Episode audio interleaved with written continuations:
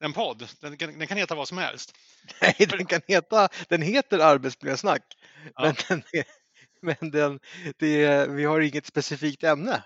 Ja, då, då börjar jag nu, för då är det så här nämligen. Hej och välkommen till Arbetsmiljösnack. Och vet du vad Mattias? Jag har hittat en annan podd som heter likadant, som är mer renommerad än vad våran är.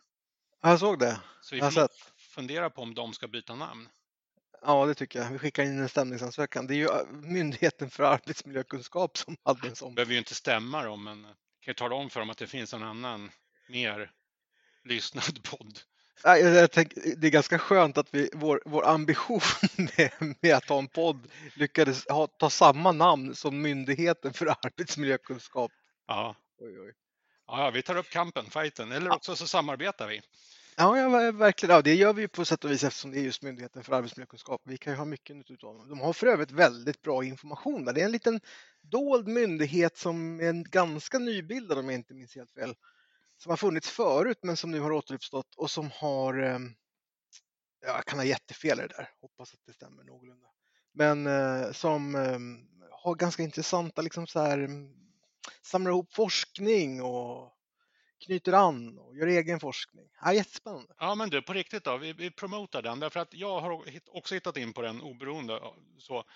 Och jag, jag brukar lägga ut tips på poddar i stora digalogen som vi har. Men jag kan ju inte tipsa om allting, det, det vore ogörligt, det skulle bli tips hela tiden. Men då kan vi promota den här och nu, den podden. Den andra podden, Ja. Arbetsmiljösnack, som jag håller med om är väldigt bra. Och Verkligen. nyttig. Du, apropå digilogen. Ja. Det kan vara lite spännande. Vi, vi kanske har någon rackare som inte lyssnar på oss som eh, inte har någon digilog. Ja. Hur, vi är ju myndighetens, Arbetsförmedlingens huvudskyddsombud. du Ja. och jag, Christer. ja, men precis. Du heter ju Christer Hansson, Ja. hur? Det var det de döpte det till. ja, Och mig döpte de till Mattias Gustafsson. just det. Och eh, när vi eh, tog an oss eh, uppdraget som myndighetens huvudskyddsombud för cirka två och ett halvt år sedan så började vi fundera på hur kan vi kommunicera med både skyddsombud och med eh, medarbetarna på Arbetsförmedlingen. Därför att mycket i vårt uppdrag bygger kring att vi ska kunna ja, men hålla skyddsombud ajour och medarbetare informerade. Mm. Så vi tog ju tag i det där kan man väl säga och, och eh, för tidigare fanns det ett, ett eh, månadsbrev som, eller kvartalsbrev, något Mm. åt det hållet. Mm. Så vad har vi nu Christer? Ja, men absolut. Nej, men vi, vi gick från det här traditionella skrivna månadsbrevet till att kommunicera i Digilogen. Och Digilogen är ju en kommunikationsplattform som vår arbetsgivare tillhandahåller. Det, intressanta är att man vi hade testat massa olika andra sådana här digitala kommunikationsplattformar innan och så bestämde man sig för att nej, men det är Digilogen som ska gälla och nu är det den som är gängse. Och där har ju du och jag byggt upp en struktur för informationsflöde både ut och in kan man ju säga och tillsammans. Det är som en liten anslagstavla i princip. Ja, och där man får känna sig fri att lyfta det hjärtat är fullt av i arbetsmiljöfrågor. Och den är bara till för skyddsombud, Ja, det är den. inga utomstående. Och, det, och tanken med det var ju att just skapa ett forum där man som skyddsombud inte känner sig att någon annan, varför kan du inte det där, du är ju ändå skyddsombud. Alltså att det fanns ett sånt tänk i, i, den, i den digilogen så att säga. Vi lekte ju med tanken att ha en öppen arbetsmiljödialog för alla medarbetare. Eh, men vi, det skulle bli ogörligt att moderera det. För det behövs en, en, en eller flera moderatorer som sköter det där så att det blir bra, bra, bra strukturer och så vidare i snacket. Eh, så då begränsar vi oss till, till att vara för skyddsombud och det är ändå mellan 500 och 600 inbjudna till den personer. Ett skyddsombuds uppdrag om man är huvudskyddsombud är ju att samordna andra skyddsombud. Eh, Så du och jag samordnar andra skyddsombud genom den här digilogen men också genom att vi sänder månadsbrev eh, en gång i månaden på Skype där vi bjuder in alla skyddsombud. Vi har väl som mest varit runt 100 stycken samtidigt på ett sånt här Skype-möte. Ja, men absolut. Och ska vi vara riktigt noga så är, så är väl det digitala månadsbrevet det som ersätter det här som var innan det traditionellt skrivna brevet som publicerades som, som en pdf eller ett, Word-dokument. Nu kör vi ju ett månadsbrev digitalt som vi livesänder via Skype. Så det, det, det. sker, det sker ju direkt. Jag kan tycka, jag kan tycka att ibland hamnar vi rätt och ibland hamnar vi lite off, men vi, vi eh, lyfter ju liksom ämnen som är på tapeten på den vänster och det, ibland har det ju, det har väl nästan alltid en arbetsmiljöperspektiv på det. Mm. Men jag kan förvånas ändå över att vi liksom konstant lyckas ha aktuella ämnen, att det aldrig blir upprepningar på det sättet. Eh, och det, den, men den absolut största glädjen i det där kan jag tycka, egoistiskt nog, är väl att ha det här utbytet med andra skyddsombud. Att man får den här dialogen så att säga. Ja, men det är den stora skillnaden mot pappersmånadsbrevet som man skickar ut och så vet man inte vilka reaktioner man får om det inte är någon som hör av sig. Men det blir en viss fördröjning. Här får ju du och jag direkt respons i livesändningen på det vi säger, där vi informerar om de tankar och idéer som du och jag. Det studsar ju direkt i chatten. Och så kan vi fånga upp saker och så kan vi föra en dialog om det och det ger ju ett mervärde som heter duga att kunna göra på det här sättet. Mm. Vi använder ju också samma plattform för att ha kompetenspass på. Mm. Eh, det fanns inte tidigare att man, man, som skyddsombud på Arbetsförmedlingen så gick man grundutbildningen de här två dagarna och sen eh, hade man tur så hade man lyckats nosa reda på partsrådets utbildningar och i undantagsfall så kunde arbetsgivaren eh, ibland också bekosta privata utbildningar. Eh, men, men det fanns inte riktigt någon mer sådär kompetenslyftande saker va? Visst var det så? Nej, det har varit så, rätt så sparsamt på det eh, senaste tiden, senaste åren tillbaka. Men, men sen är det ju så här oavsett det så ligger det också i ett huvudskyddsombuds En sak är att samordna eh, skyddsombuden Eh, en annan, ett annat uppdrag är att se till att säkra kompetensförsörjningen. Det innebär ju inte att man behöver göra som du och jag, att vi själva håller i kompetenspassen, för det gör ju du och jag. Men ett huvudskyddsombud ska ändå på något sätt ombesörja att skyddsombuden som den samordnar får den kompetens de behöver för att klara sitt uppdrag.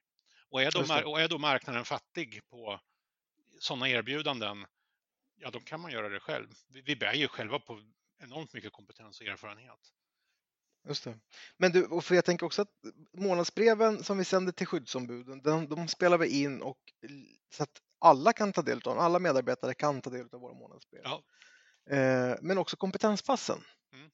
Så alla, kom, alla kompetenspass, alla månadsbrev vi har gjort finns inspelade och tillgängliga för Arbetsförmedlingens personal eh, genom då vår, vår sida på den interna eh, intranätet. Då. Så att, eh, ja, podden är ju också då ett komplement till det här. Så just att jag skrev till dig i morse, ska vi inte ta och chitchatta lite? Mm. Ja. Jag var sugen på att podda ja. eh, och du skrev ja, men absolut, det gör vi. Så, så att det här är också, det här är liksom utfyllnaden på den vänster, det är mellansnacket, kan man säga så? Ja, det friare forumet. Eh, innan, innan eh, pandemin, coronan, du och jag restes rätt så mycket för att vi ville vara i verksamheten och träffa skyddsombud och medarbetare och chefer. Så vi reste ju ibland ute i, i landet och träffade medarbetare då, som alla är då, oavsett om man är skyddsombud, chef, så är man medarbetare. Så vi var ute och träffade människor på jobbet. Och det, det blev ju lite grann någon slags uppträdande. Du och jag stod det framme i whiteboarden. Sen hade väl du och jag en struktur att följa, men vi fångade ju väldigt mycket upp det som hände i rummet. Det blev att vi freebasade lite grann och chitchatta som vi säger. Så det var inte så jättestyrt. Och det forumet har jag saknat lite grann, det här fria forumet. Och det, det, podden fyller det behovet hos mig ändå att kunna vara lite friare i, i ord och tanke. Just det. Men du, apropå, um, apropå att kunna resa. Nu har vi suttit hemma, är det sen i mars va? Mitten på mars var det då vi klev hem. Ja. Uh, hur, Ja, alltså det är en helt annorlunda värld man, man är i. Jag tänker du och jag som sagt, vi, vi har väl haft kanske fyra inresedagar till Stockholm och en hemmadag på, eller på då vårt kontor. Mm. Eh, och att helt plötsligt då ställa om likt jättemånga i hela Sverige säkerligen. Mm. Det är spännande att se vad som händer med en, vad man liksom kan dra för slutsatser, vad man mår bra utav. Och mm. Vi pratade lite grann om det här om dagen också. Att mm.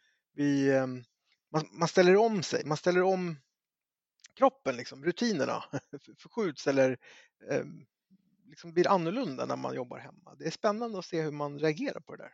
Jag har aldrig varit så vältränad som jag är nu. Alltså? Nej, jag får den tiden. Den tiden finns. Jag reser ju inte bort tiden. Jag får bättre förutsättningar för att träna. Så jag tänkte på det när jag var ute och sprang i morse, att jag är ja, lika bra tränad som jag var för tre år sedan då jag var bra tränad. Ehm, så jag är tillbaka i den formen och kanske på väg till en bättre form till exempel. Så för mig, ja, det, det, man anpassar sig. Jag gör det, jag anpassar mig och försöker göra det bästa av det.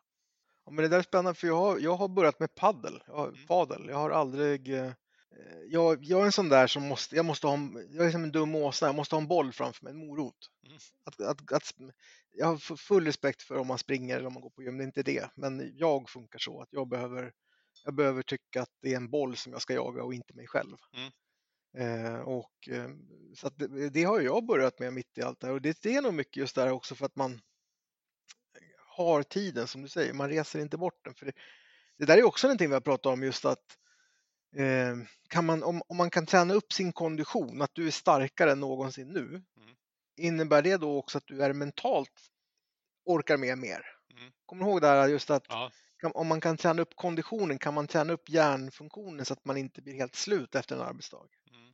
Ja, men spännande, för jag gör det genom mental träning mer nu än under den resande tiden, för jag var väldigt trött när jag var ute och reste. Det tar på kraften att resa. Ehm, men jag tränar ju det mentala också väldigt mycket mer nu och lyssnar väldigt mycket mer på poddar för att kompetenshöja med sådana här saker. Så jag känner mig både mentalt starkare och fysiskt i bättre form nu än innan.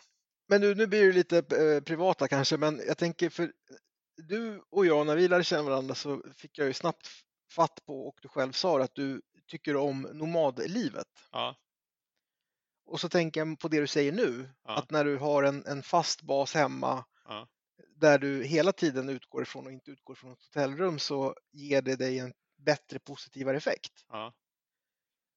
Intressant att du, liksom upp, du uppskattade normallivet väldigt, väldigt mycket men, men det som ger effekt på dig kroppsligt och mentalt är att få vara hemma. Ja, fast det är så jag funkar. Det gav jättemycket mer värde än att ut och resa också. Så, så, så ja, ja, absolut, jag allt, förstår det. Allting är yin, yin, och, yin och yang. Eh, ja, men visst. Eh, men jag är, jag är anpassningsbar, så jag, jag kan älska det här livet också. Det är du, man... liksom jag är på en och fast, ett och samma ställe hela tiden. Ja, ja men, du, om, man, om, men om vi skulle liksom magiskt ta bort corona och så skulle vi helt plötsligt börja resa till Stockholm. Skulle du göra det i samma omfattning tror du? Nej, det tror jag inte. Det är för att jag har lärt mig, för, för jag trodde, eller trodde, det var, det var inte bara jag som trodde, alla trodde ju att man måste mötas i det fysiska rummet. Att, ha, att, att delta på myndighetssamverkan via distans, det var ju för mig otänkbart, det gick inte. Den högtidsstunden skulle man sitta vid bordet tillsammans med alla andra. Idag skulle jag mycket väl kunna tänka mig att nej, men jag behöver inte, den här gången behöver inte jag vara med på MSG vid bordet. Jag, jag väljer att vara hemma i Örebro därför att helheten gör att det passar bättre att jag är i Örebro. Så jag skulle nog kombinera väldigt mycket mera att vara på plats och att jobba på distans. För, för, du, och jag, mm. du och jag har testat alla moment som du och jag gjorde i det fysiska rummet, alla möten, alla workshops, alla riskbedömningar. Det har ju du och jag testat via nätet och det funkar ju det också. Ja, verkligen. Det, absolut, jag kan helt hålla med. För jag har tänkt mycket på det här just att om corona skulle försvinna, hur skulle jag då agera? med tanke just på det här som du sa, att vi, vi har ju förflyttats ganska långt framåt i tiden. Mm. Eh, fast vi inte har, det är fortfarande 2020. Eh, men, eh, ja, det, men jag kan, jag vet inte, jag har så svårt för det. För det just att, att ja, men få mimik, få minspel, få kroppsuttryck kontra att sitta och lyssna på en, en, en, monolog som sen blir en dialog men där du inte egentligen ser hur människan reagerar det kan funka i vissa sammanhang tror jag, men jag tror att jag, skulle, jag personligen skulle ha svårt eh, liksom rent generellt när det är just en dialog. Eh, men, men, att det skulle gå, absolut. Men frågan är hur jag skulle reagera. Mm, det, det där är ju intressant just när du säger hur jag, du pekar på, på dig själv och säger hur, hur du, då, ditt jag. För det, vi kommer hantera det här olika efteråt. Jag, jag, ja, tror, jag, jag, tror, till en början när, när, restriktionerna släpps totalt och vi har ett vaccin och det, det finns ett sånt sug efter att få träffas igen så då kommer väl alla göra det. Men sen kommer vi gå tillbaka till ett läge där man hittar, som jag idag, jag hittar mitt sätt som nog blir en variant av det här, både att vara resande och mötas i rummet men också om helheten säger att Nej, men jag behöver vara mer i Örebro den här veckan, då kommer jag vara där därför att jag vet att det funkar. Så var en, om, det, om det finns möjlighet så kommer ju var en att göra så som det passar den bra. Och det lirar väldigt bra med arbetsmiljölagen som säger att arbetet och arbetets miljö ska anpassas utifrån individens behov och förmågor. Ja, verkligen. Ja, men verkligen. Och, och det är ju så. Det, det är väl lite grann det jag försökte undermedvetet kanske få fram att det handlar ju om liksom, de individuella förutsättningarna. Just det här att du springer. Mm. Eh, jag eh, jagar en boll. Mm. Eh, du tycker om att ha en blandning mellan sött och salt och jag mm. tycker om surt och vad är motsatsen till surt? Då? Sött. Ja. nej men, så att vi, vi är ju alla olika och det tror jag det, det är nog den största lärdomen som man kan ta ifrån corona. Det är att just det som du var inne på, att få till att individens förutsättningar anpassas. Tidigare så har vi ju levt i någon slags masspsykos om man nu får säga så. Alla gick till jobbet klockan åtta, alla gick hem halv fem. Alla satt på sina arbetsplatser inrutat fyrkantigt. Eh, idag nås vi av signaler att nej, men jag skulle nog gärna vilja jobba hemifrån tre dagar i veckan men två dagar på kontoret. Mm. Vissa har, jätte, har en jätteutmaning i att hela tiden vara hemma. Andra tycker att det är det bästa som har hänt dem därför att då kan de få ihop privatlivet med arbetslivet. Mm. Eh, och, jag tänker också, det här, det här tänker jag är jätteviktigt, att jag hade tidigare idén om att människan mår bra av att lägga ifrån sig jobbnycklarna när den kommer hem mm. och inte blanda ihop privatliv och arbetsliv. Och få den här, du vet, återhämtningen 12 timmar och mm. allt vad det är. Mm. Men jag börjar mer och mer förstå och det här klassiska uttrycket forskningen säger, mm. som man ska akta sig för att använda, Eh, men, men att det, vi är så olika. Mm. Någon kan ha ett jättebehov av att få åtgärda saker på en gång för att på så sätt få eh, bättre återhämtning medan andra måste verkligen disciplinerat lägga ifrån sig allting och inte lyfta på någonting för att kunna verkligen slappna av i kroppen.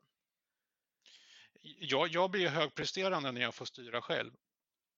Alltså, lördag förmiddag det är nog min bästa eh, arbetsperiod på hela veckan. Um, och jag kan inte rå för det att jag på lördag förmiddagar kan tänka på mitt jobb, på mitt arbete och skriva ner och göra små anteckningar och sånt, för det bara ploppar av grejer i huvudet på mig då.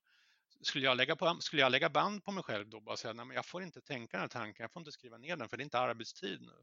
Men, men får jag styra själv och, och låta flödet go with the flow, ja det har jag jättemycket nytta av sen när veckan kommer, alla de här idéerna inför kommande möten, workshops, riskbedömningar, eller möten med dig eller vi ska spela in någonting och så.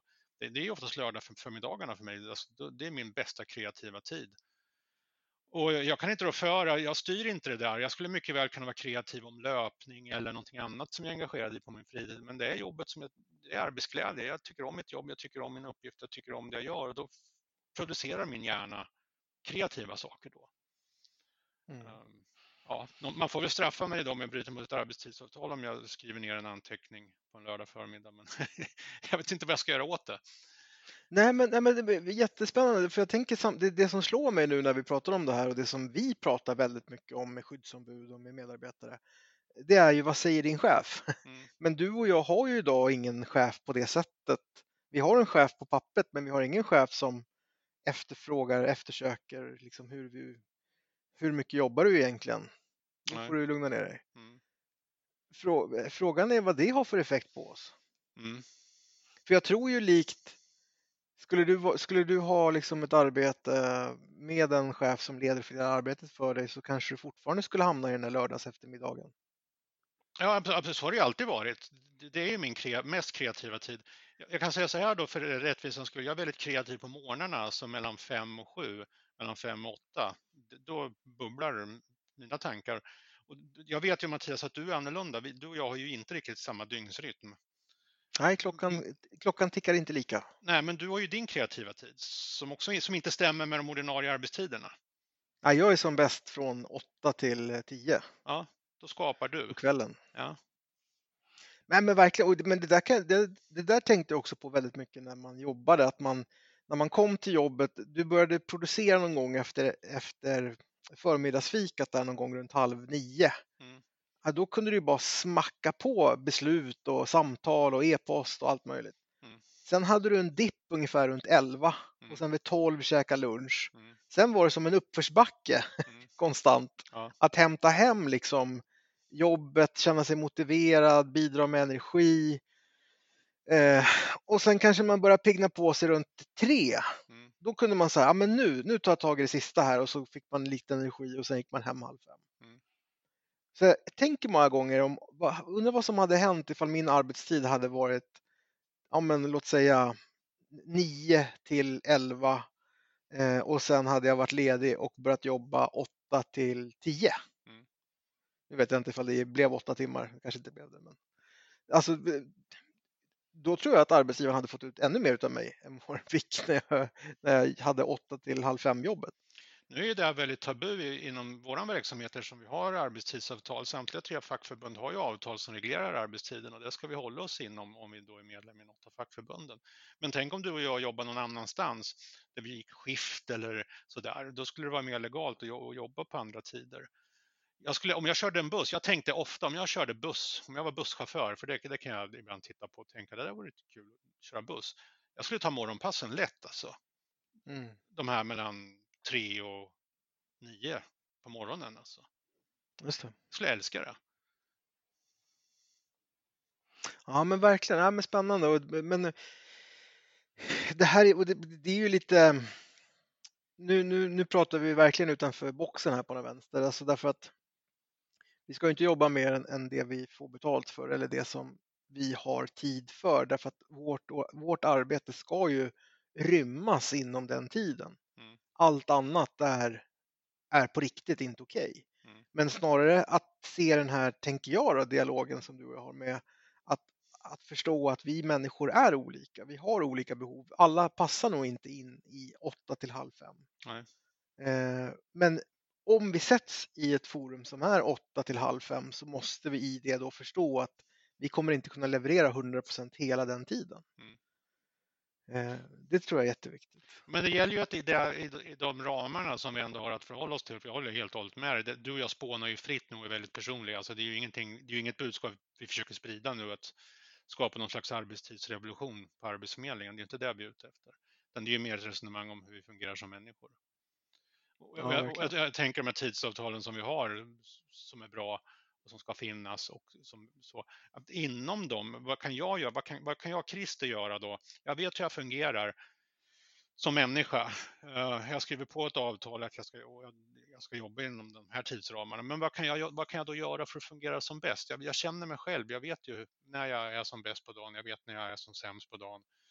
Vilka strategier kan jag ha för att eh, finna återhämtning under dagen och bygga upp energierna och klara en hel arbetsdag?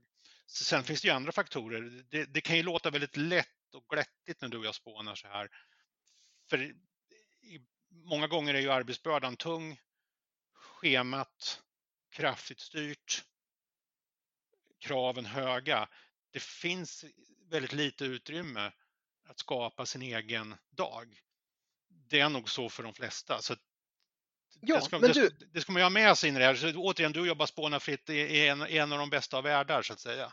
Ja men verkligen, men du jag tänker så här att eh, vi, ja, visst är det så att alla eh, arbetstidsavtal har flex va? Man har, kan ha flextimmar. ja, ja. Där är någonting vi skulle kunna hitta utveckling i om man nu bara får en sån här idé och tanke i det vi pratar om nu. Mm. Att hur vi jobbar och använder flex för medarbetare. Mm. Där tror jag att vi skulle hitta ett jättestort utrymme om chef medarbetare har en större dialog kring det. Mm. Eh, ja, men jag förstår att du på morgnarna, du kanske behöver liksom eh, var tredje dag komma klockan nio. Eh, och för mig som chef är det helt okej att du tar med dig datorn hem och jobbar eh, en timme extra hemifrån. Alltså, för det där har inte heller riktigt funnits på Arbetsförmedlingen generellt sett tidigare. Just det Nej, här jag- liksom att man har den dialogen med sin chef om hur man förlägger arbetstiden. Nej, men där kan jag väl sticka ut hakan då och säga så här, om jag vore arbetsgivare, då skulle jag tänka på de här eh, faktorerna som du och jag pratar om, hur en människa fungerar. Hur en människa, när, när, när högpresterar en människa, när lågpresterar en människa, vilka faktorer gör att man kan bygga upp energier och hur kan man ta hänsyn till, till individernas olika förmågor och viljor och såna här saker och liksom ändå ha det i medvetandet, när man bygger sitt team och förutsättningarna för teamet. Mm. för det, det, ligger, det ligger i en arbetsgivarens intresse att, att få högpresterande team och då är det här grundbultar i att få människor att högprestera. Att, att man får väldigt mycket e, egen möjlighet att styra sin arbetsdag, styra sin tillvaro. Ja men, ja, men verkligen, och det, jag, jag, tänker det är ju lite grann min orsaken till att jag eh, någon gång blev skyddsombud. Det var ju för att jag såg att arbetsgivaren vare sig kunde fullt ut få ut det bästa ur, ur, en, ur en person. Eh, utan snarare tvärtom fick ut kanske 90 procent men på ett sämre sätt. Mm. Du skulle kunna få ut 90 procent ur en människas effektivitet och, och liksom hur den arbetar bra men som ger en positiv effekt. Att ja. den personen får med sig någonting snarare än att den upplever det som en börda. Ja, verkligen. Eh, hård styrning leder oftast till underprestation. Det kan inte vara rimligt ur en arbetsgivares perspektiv att man underpresterar. Så man bör fundera på det här med hård styrning och eh, små utrymmen för medarbetarna att röra sig inom. Om det verkligen är det som är det bästa sättet att hantera ett team på. Du, chitchattet börjar närma sig sitt slut, men eh, vi ska in på runda bord så alldeles strax du och jag. Ja, runda bord, vad är det för någonting Christer? Är det runda bord som människor sitter runt omkring och så har man ett runt samtal eller? Ja, men, ja, men faktiskt på en, en, gång i tiden var det så. Det fanns en symbolik i det att, att just det här att använda runda bord. Det finns inga ändar där makten sitter och så sitter de andra längs med kant, alltså långsidan. Så här. Det, på riktigt hade man runda bord för att visa att vi, vi här träffas alla här på samma villkor utifrån våra roller. Nu är det digitalt runda bord. Men, men ordet, ordet ska ju ändå symbolisera och bära med sig en idé om att här, här är vi öppna mot varandra i våra roller. Uh, arbetsgivare, fack och skyddsombud i det här fallet. Då. Just det. Ja, det ska bli spännande att få kliva in i det. Några ja. avslutningsord du vilar på eller någonting du känner att det där fick du inte fram eller? Nej, jag tänker man får ju alltid en chans till. Dels kan vi klippa i det här om det vore någon groda som hoppar ut. Uh, sen får vi väl podda igen om vi känner att uh, det här inte ledde någonstans eller att det ledde fel. Tanken var ju, det var ju din idé här i morse när du hörde av dig till mig, Krille ska vi podda nu på morgonen? Absolut, det är min bästa tid på dygnet, så då klart vi poddar. Vi, ja. vi, vi hade ju ingen struktur eller manus eller hade pratat ihop oss, utan det, det här är vad det blev. Ja, du, det, det, där var ett jäkla bra avslutningsord, vi säger så. Det här är vad det blev. Ja, precis. Hej på det.